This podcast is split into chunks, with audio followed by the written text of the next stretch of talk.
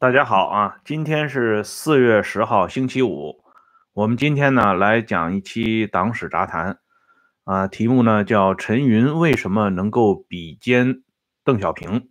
啊，为了准备今天这个节目啊，我是花了点时间和功夫的啊，搬了一些书啊，比如说像《晚清淮系集团研究》李鸿章与淮军啊，还有这个。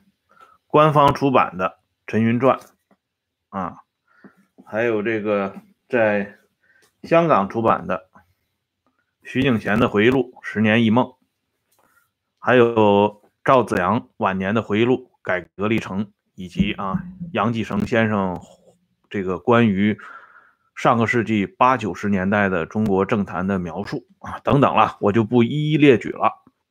为什么提前向大家展示一下这些书呢？啊，这个呢，实际上就像我们经常说的那句话一样，“巧妇难为无米之炊”。啊，一个厨，一个厨师，他这个菜做的好不好，首先要看他的料备的足不足。啊，如果没有猛料，那你这个菜呢，就做不出高水平来。比如说，在上个世纪八十年代中期，曾经在全国烹饪比赛当中轰动一时的一道名菜，叫游龙戏凤啊。这个菜呢，在一九八五年的时候呢，在全国打响啊，赢得国内外这些贵宾们的交口称赞。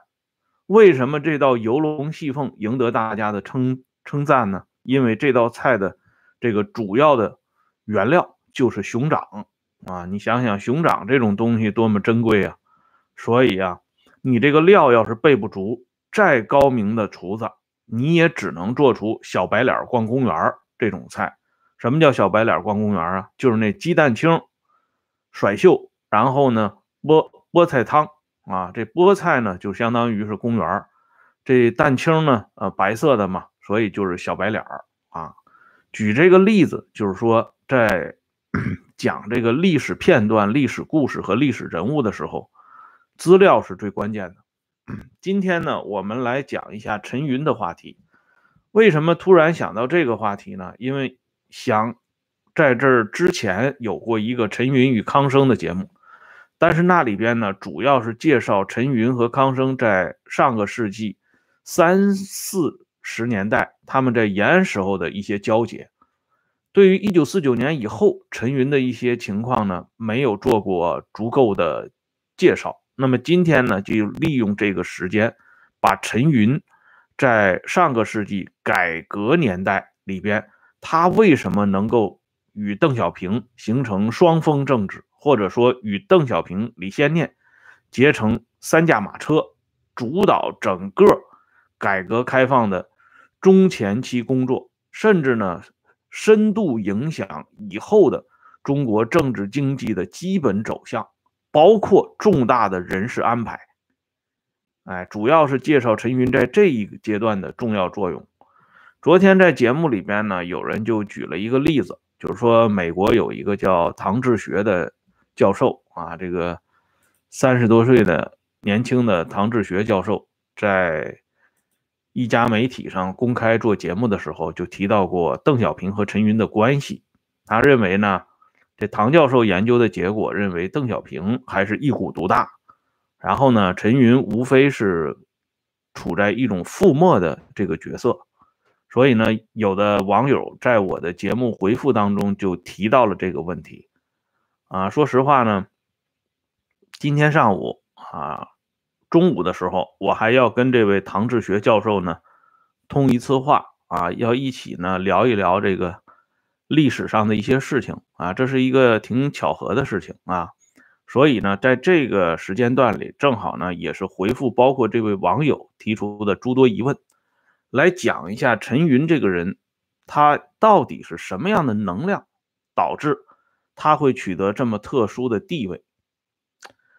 在上个世纪五十年代初期的时候，毛泽东有一次同汪东兴、同罗瑞卿和汪东兴他们三个人之间进行谈话。毛呢，啊，就是因为这是两个重要的亲信，所以毛泽东当时就问罗瑞卿和汪东兴。他说：“你们知道什么叫领导？”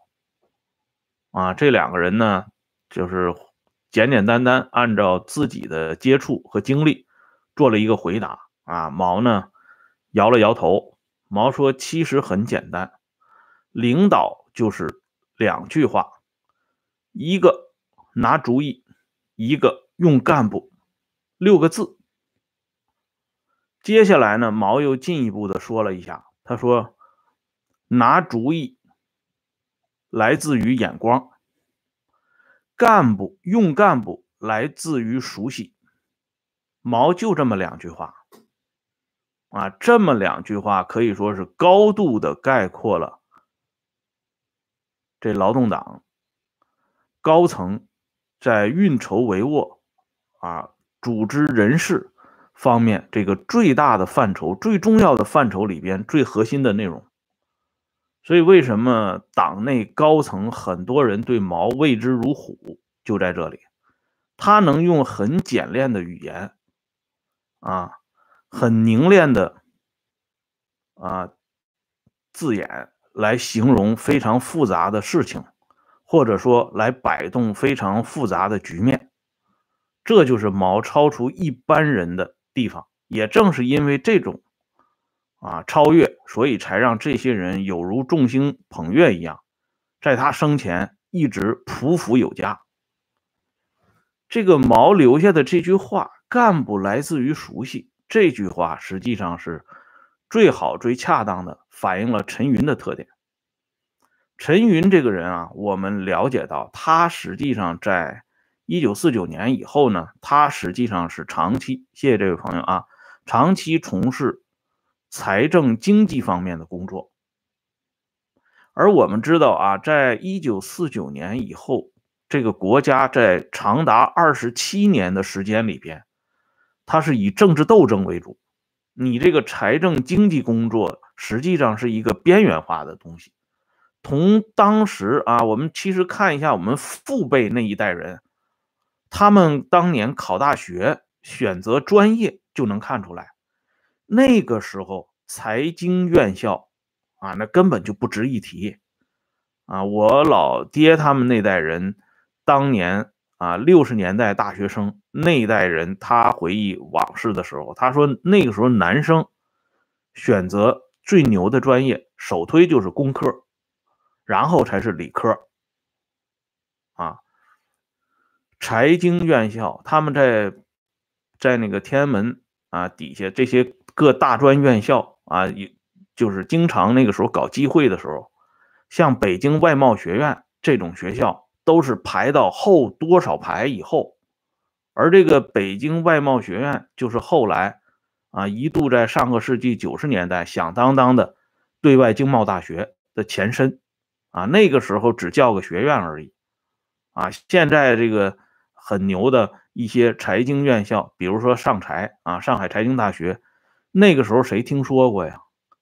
一九五八年全国。高教部发布的十九所直属国务院的院校里边，就没有一个财经院校，可见那个时候的财经工作呢，是一个边边角角的工作。哎，你别看陈云那个时候啊挂的头衔很吓人，中央财政经济委员会主任啊，简称中财委，但实际上呢，他就是做一些修补性的工作。但是啊。这个人和人他就不一样啊！你比如说，把一个啊很简单的事情啊交给一个很厉害的人来做，他可能就做的至善至美，甚至呢花样翻新啊！比如说我们大家都熟知的，呃，杜甫的那首诗：“两个黄鹂鸣翠柳，一行白鹭上青天。窗含西岭千秋雪，门泊东吴万里船。”这四句诗就能让一个高明的厨师用几个鸡蛋啊做出四道菜来，那你一般人就做不出来呀。所以陈云能够把这个边边角角的工作，最终为自己在政治上东山再起埋下伏笔，这首先就归结于他的高明。而陈云的这种高明呢，还。还表现在这个人进气内敛。啊，后人总结陈云这这个人是八个字：巧舌如簧，老谋深啊，老谋深算。啊，这是一个真正啊的一个厉害角色。关键呢是不显山不漏水。你看啊，他在做中财委的时候，啊，中财委的副手就是薄一波，因为中财委就是由华北局财经委员会做底子啊发展上来的。而薄一波呢是华北局的第二书记，后来呢代理第一书记，所以当时华北局的班底儿呢，全班人马进入到中央政府里边，包括咱们熟知的《人民日报》，其实原来都是人家华北局的机关报，啊，后来才变成中共中央机关报的。因此呢，陈云和薄一波的关系就在这个时候就奠定了。再后来呢，中央明确这个财政经济工作方面呢，是由陈云抓总啊，薄一波、邓子恢、李富春、曾山、叶继壮这几个人呢协助啊。这里边我们就知道了，曾山啊，曾山和陈云的关系就在这个时候就建立起来了。而后呢，我们都知道，曾山的那个宝贝儿子啊，他跟陈云的。这个关系，他对陈云是以父职的，啊，就是长辈的这种状态，所以他后来在上个世纪八九十年代所起的作用，跟陈云这边是有直接的关系的，啊，再后来呢，我们看到，由于这个经济受到严重的阻碍，啊，进入到困境的时候，毛泽东不说过那句话吗？啊。家贫思良妻啊，国难思良将啊，又把陈云给请了出来。陈云呢，重新出掌这个整顿后的中央财政经济领导小组组长。中央财经领导小组是后来在整个啊八十年代直到今天，只有最高当局啊才配兼任的一个重要缺份。而第一任这个中央财经领导小组组长呢，就是陈云。陈云在第一个五年计划编撰过程当中呢，也起了一个重要的角色啊。陈云担任这个整个的五年计划的编写组的组长啊，就是制定计划的老大。那当时这个小组的成员里边呢，还有邓小平啊，就是说邓小平那个时候还是在陈云的啊部分领导下参与这个第一个五年计划的制定。一五计划，所以陈云的这个资历呢，还有他的经历非常丰富，而且呢斗转星移，谁也没有想到，经过十年的啊折腾以后，这个国家上上下下基本都认识到了，已经元气大伤，国民经济呢已经进入到崩溃的边缘，如果继续闹腾下去，大家可能都要。完蛋，于是呢，重打鼓另开张。首先想到的是恢复经济建设。那恢复经济找谁呢？一九七九年啊，邓小平就向中央推荐由陈云、李先念负责刚刚搭起架子来的国务院财政经济委员会。实际上是陈云负责。陈云这个时候呢，其实已经是尘封已久啊。手下没有什么人马，但是呢，这个人厉害就在这，他把以前的旧部陆陆续续找来了。这个旧部里边最关键的就是两个人，一个是姚依林，一个是宋平。陈云这个人啊，他啊，他在很多地方，我们明天还要讲一期啊，他这个人在很多地方是深得毛泽东、周恩来的真传的。他在毛周这两个人身上学到了很多厉害的东西啊，而且呢，很快把它运用到工作当中去，所以呢，他得风气之先是显而易见的。陈云主要当时抓的就是这个国家计划委员会，这个国家计划委员会那是非常重要的。当年进京的时候，毛泽东派他的亲信高岗。担任国家计划委员会主席啊，而不是后边的主任。号称经济内阁，与这个政务院呢并驾齐驱。高岗垮台以后呢，毛泽东把国家纪委交给李富春。可是李富春这个人比较软啊，在这个纪委工作方面呢，不能够很好的抵御来自于刘少奇、邓小平他们的侵袭，所以毛最后决定啊，在文化大革命前夕改组国家纪委，把自己的秘书陈伯达派了进去啊。毛认为这是掺沙子。最后呢，他把自己新培养起来的另一员干将余秋里搞了进去，这样呢，又搞出来一个小纪委，当时又叫计划参谋部啊，由这个余秋里负责主抓，这样呢，就把国家纪委原来的班子整个就是架空了，然后呢，就等于削弱了刘少奇他们这呃这一派人马的力量啊，这是一个很。厉害的挖墙脚的工作啊，这是毛也是惯于搞这套东西，所以陈云对国家纪委一直抓得很厉害啊。姚依林呢是陈云最得力的助手，这就像我们这题目里边啊没有提到的一句话，就是毛说的那句话：“干部来自于熟悉。”姚依林在五六十年代的时候，他就已经相助陈云在财经委和财经领导小组。啊，关照之下开展了一系列的具体工作，所以陈云对姚依林这个人呢非常看重。这样呢，在新搭建起来的主管经济建设方面的啊这个领导班子里面呢，姚依林就扮演了一个重要的角色。而宋平呢，从地方调到中央以后呢，首先接触的也是国家纪委方面的工作。而我们都知道，宋平培养了一个重要的。领导人就是第四代领导，呃人物的这个主要啊领导人胡锦涛，所以后来宋平又被陈云安排到中央组织部部长的位置上，所以你看啊，陈云是一个实际上经历了文革前就已经是靠边站的这么一个状态，可是呢，这个人一旦出山之后。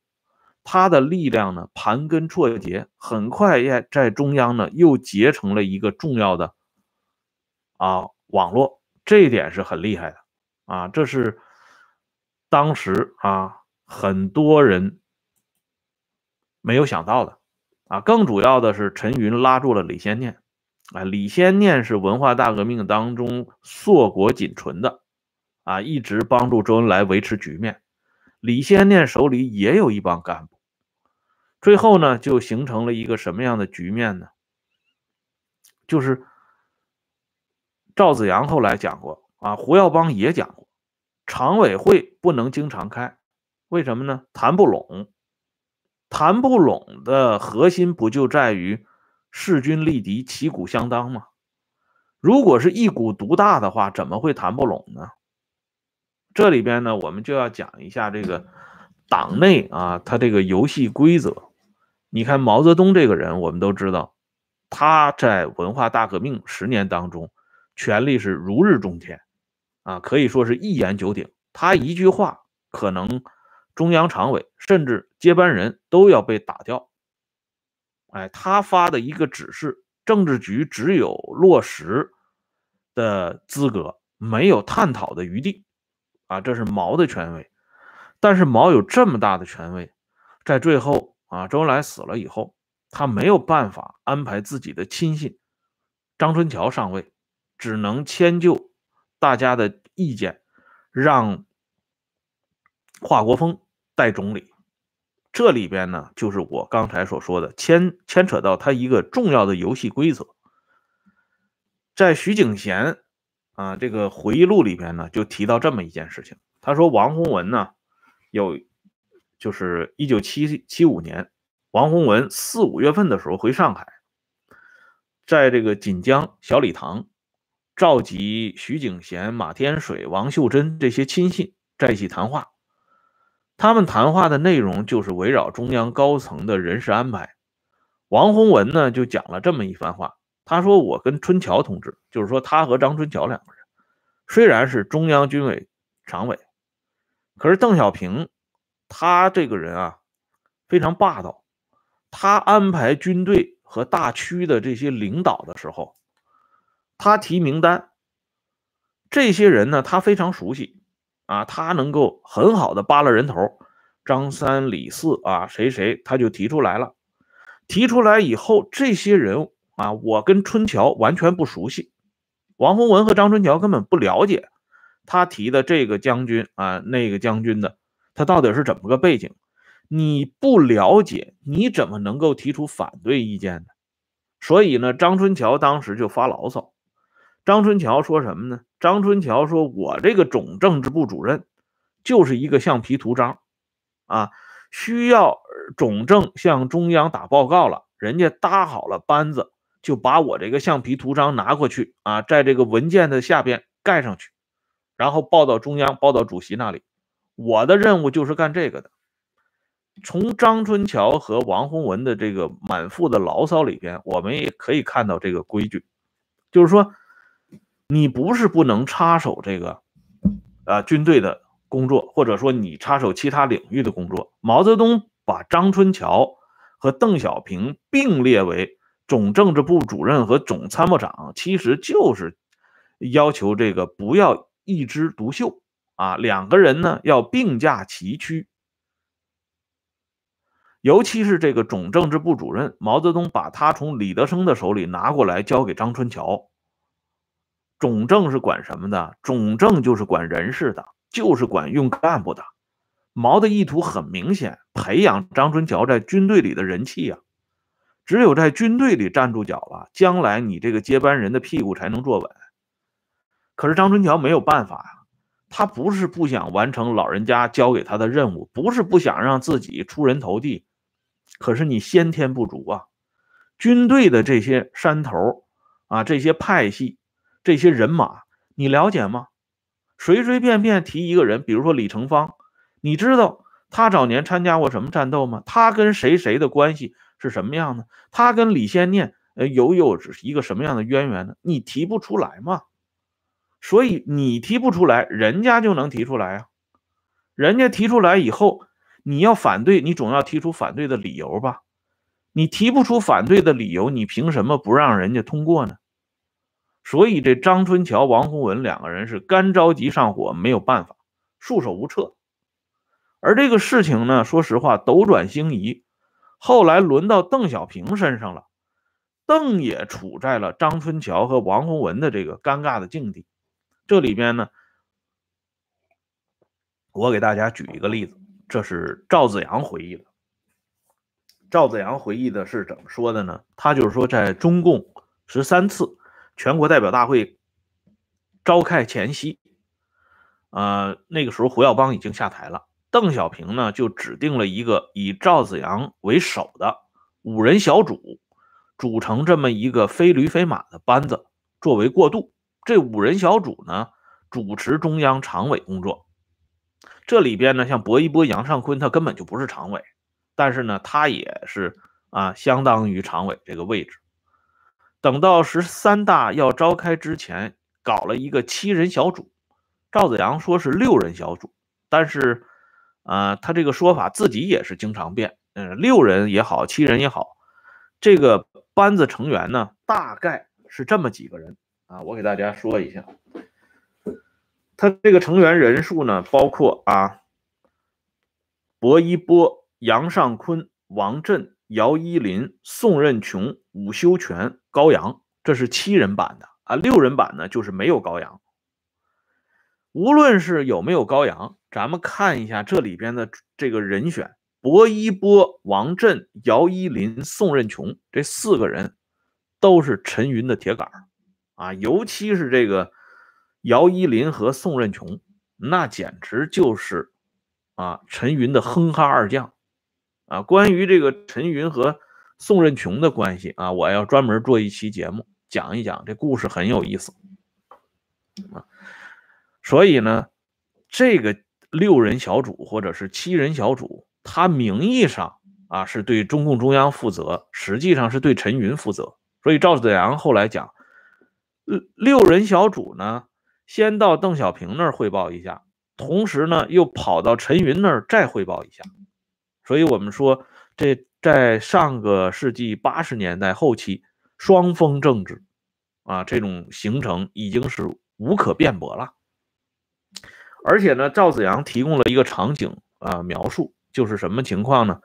当这个定十三届中央政治局常委人选的时候，没有啥争议的是这五个人：赵子阳、李鹏、乔石、胡启立和姚依林。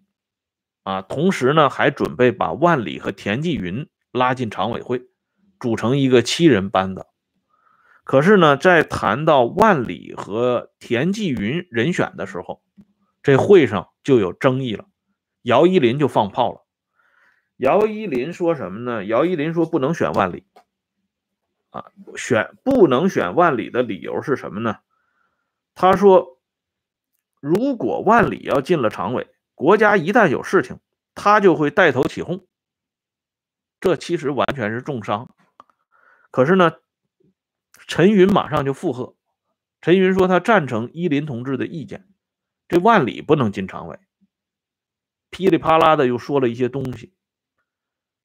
哎，其实呢，万里啊，呃，无非是跟赵赵子阳、邓小平走得近一点，但是陈云他们就提出反对意见。这样会上一旦有人反对这个人选通过，就有困难了。这样呢，邓就说万里可以暂时不进常委。那么咱们议议田纪云吧。议田纪云的时候，姚依林又放炮了。他说田纪云不行，又把田纪云的问题啊一五一十的汇报出来，又把邓搞了一个措手不及。因为姚依林提出的这个问题还有旁证。薄一波他们也马上随声附和，你邓小平提不出反驳的意见啊？啊，你说田纪云为什么进常委？啊，你要你也要提一个东西出来。但是邓呢，还暂时提不出来，这样呢，田纪云就不能进常委了。最后呢，议到这个国家这个套班子的时候，邓认为万里既然没有进常委，就要给一个安慰奖，让他进人大常委会当委员长。这样呢也是正国级，可是提到这个人选的时候呢，姚依林他们又出来反对，又出来阻挠，最后邓呢就发了脾气了啊！邓发脾气不是冲着姚依林发脾气啊，他是冲万里发脾气。他找万里，他说你是怎么搞的？人际关系搞得这么紧张，这样呢万里没有办法啊，挨家去拜一拜啊，宋任穷家、杨尚昆家，包括薄一波、姚依林家。啊，都去走访了一番，这样呢，万里的人大常委会委员长这个帽子才保住。林彪当年呢就形容过毛这个人，他说毛这个人啊，这个很厉害的地方之一就在于呢，他在下边没有沟通好，他绝不会把这个东西拿到会上去讨论。他最大的忧虑就是表决时能否占大多数，就是说会下工作。是要做十分工，那么会上工作呢才能啊全票通过。所谓过会就是走程序，但在走程序之前的这个铺垫工作可不是走程序了。谢谢这位朋友啊，陈先生多次支持咱咱们这个节目，感谢啊。因此呢，你看回过头来我们再看邓小平和陈云在十三大。常委这班子这个问题上的较量，邓小平是落了下风的。相反呢，陈云在下边是做足了工作。啊，姚依林首先打炮，啊，打出这个呃反对意见，那就是事先已经做了这个啊大量的工作。而且呢，这个姚依林这个人啊，他只要是陈云一打招呼。啊那姚依林嗷的一下子就扑上去了啊！当年呢，嗯，还曾经发生过这样一件事情，这是赵子阳回忆的。赵子阳说，姚依林和宋平啊，曾经呢给中央常委和邓小平写过一封信，就是告胡耀邦的状，说胡耀邦这个人乱讲话，同十二大的精神不符。邓小平实在是看不过去了，他就把姚依林找过来啊，就说你这封信有情绪。我要批评你，啊，姚依林呢就马上承认错误，说啊，是我这封信是有个人情绪，但是邓对姚依林的批评也仅仅就是批评，啊，隔靴搔搔痒，你不可能啊把他怎么样。这里实际上就是回应毛泽东说的那番话：干部来自于熟悉。而曾国藩呢，在之前啊，毛实际上是受到曾国藩的启发的。余于近人，独服曾文正啊，曾文正。毛说这个话是由衷而发的啊，有感而发。曾国藩的一句名言就是：“是英雄就要培养羽翼啊，你这大英雄，你手里没有得心应手的干部，没有这个足够的班底儿，你想冲锋陷阵。”想独占鳌头，那是不可想象的。这就是为什么今天我一开始给大家看这本李鸿章这个淮系集团研究，在淮军系统里边呢，有一员骁将，他的名字叫程学启啊。研究太平天国史的人都应该知道有这么一号人，这个人是很厉害的啊。太平天国后期的主要啊军功人物，首推陈玉成。陈玉成那么一个英勇善战的人，都特别看重这个程学启。程学启是安徽桐城人，后来呢，他投降了曾国藩兄弟，再后来被李鸿章罗致到门下。这程学启参与了这个苏州攻占苏州，包括当时的外国人戈登啊，英国人戈登，对程学启的印象都非常好。程学启后来战死以后。戈登啊，非常伤心，并且呢，向李鸿章要了两件程学启的遗物，啊，带回了英国，表示纪念。他认为程学启这个人，军人，称得上是一个非常完美的军人。除了这个苏州杀害这个俘虏这件事情以外，啊，剩下的地方基本是可圈可点。而李鸿章对程学启的这种啊感情呢，跟葛登又是。高了一个层次。我们都知道，后边甲午战争，尤其是甲午陆战失败，提督魏汝贵仓皇逃窜，啊，这些人呢可以说是狼奔使突，被人家日本人打的是啊抱头鼠窜。就在这个时候，啊，李鸿章想起了程学启，他说了一句话，他说：“程方中若在，事情不至于此啊。”程方中就是程学启的字号。啊，字方中，所以呢，就是说手里没有得心应手的骨干力量啊，没有这个干部班底儿，你想在这个政坛上啊占有一席之地，或者是长期维持下去，那是很难的。而陈云在这方面呢，他始终是步步为营啊，他的这个堡垒一天一天的建立起来了。至于他还有一些杀手锏，回头啊，另一个节目里我们会专门介绍。所以说，陈云为什么能够在八十年代与邓小平比肩，旗鼓相当？根本一点就是他抓住了干部任用的问题。在国务院系列里边，他抓住了国家纪委；在中共中央系列里边，他抓住了中共中央组织部。这两条就足够了。特别是这个国家已经明确了以经济建设为中心，那么当年咸朝冷衙门的财经工作，反而成了陈云卷土重来的最大的资本。你在财经领域，在经济建设方面，谁有陈云拥有更大的发言权呢？不可能的。而陈云那个时候在财经领域那种呼风唤雨啊，我。因为我们这代人呢，是在九十年代后期参加工作，九十年代中后期开始参加工作，进入到财经领域。那那个时候呢，啊，这个陈云已经嗝屁了，但是陈云的遗泽还在啊，啊，包括他那个宝贝儿子，当时是咱们这个总行的副行长，啊，咱们都接触过。陈云活着活着的时候，他的当时在整个的这个财经领域。到什么程度呢？就是很普通的一个中国人民银行一级分行啊，就这些副省级城市的啊，或者说一些突出的省会城市的人民银行分行啊，这些分行写个牌匾啊，或者是建了一个大楼这个字都要请陈云来提，啊，就是说这个人在这个领域里边基本上是祖师爷的这个概念，哎，所以呢，他能够呼风唤雨，能够影响这么多人，这个是由此而来呀。好了，今天呢，关于陈云和邓小平的这个话题呢，咱们就先介绍到这里。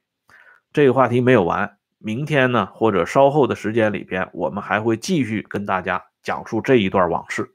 好了，谢谢朋友们的支持啊，我们明天接着聊，再见。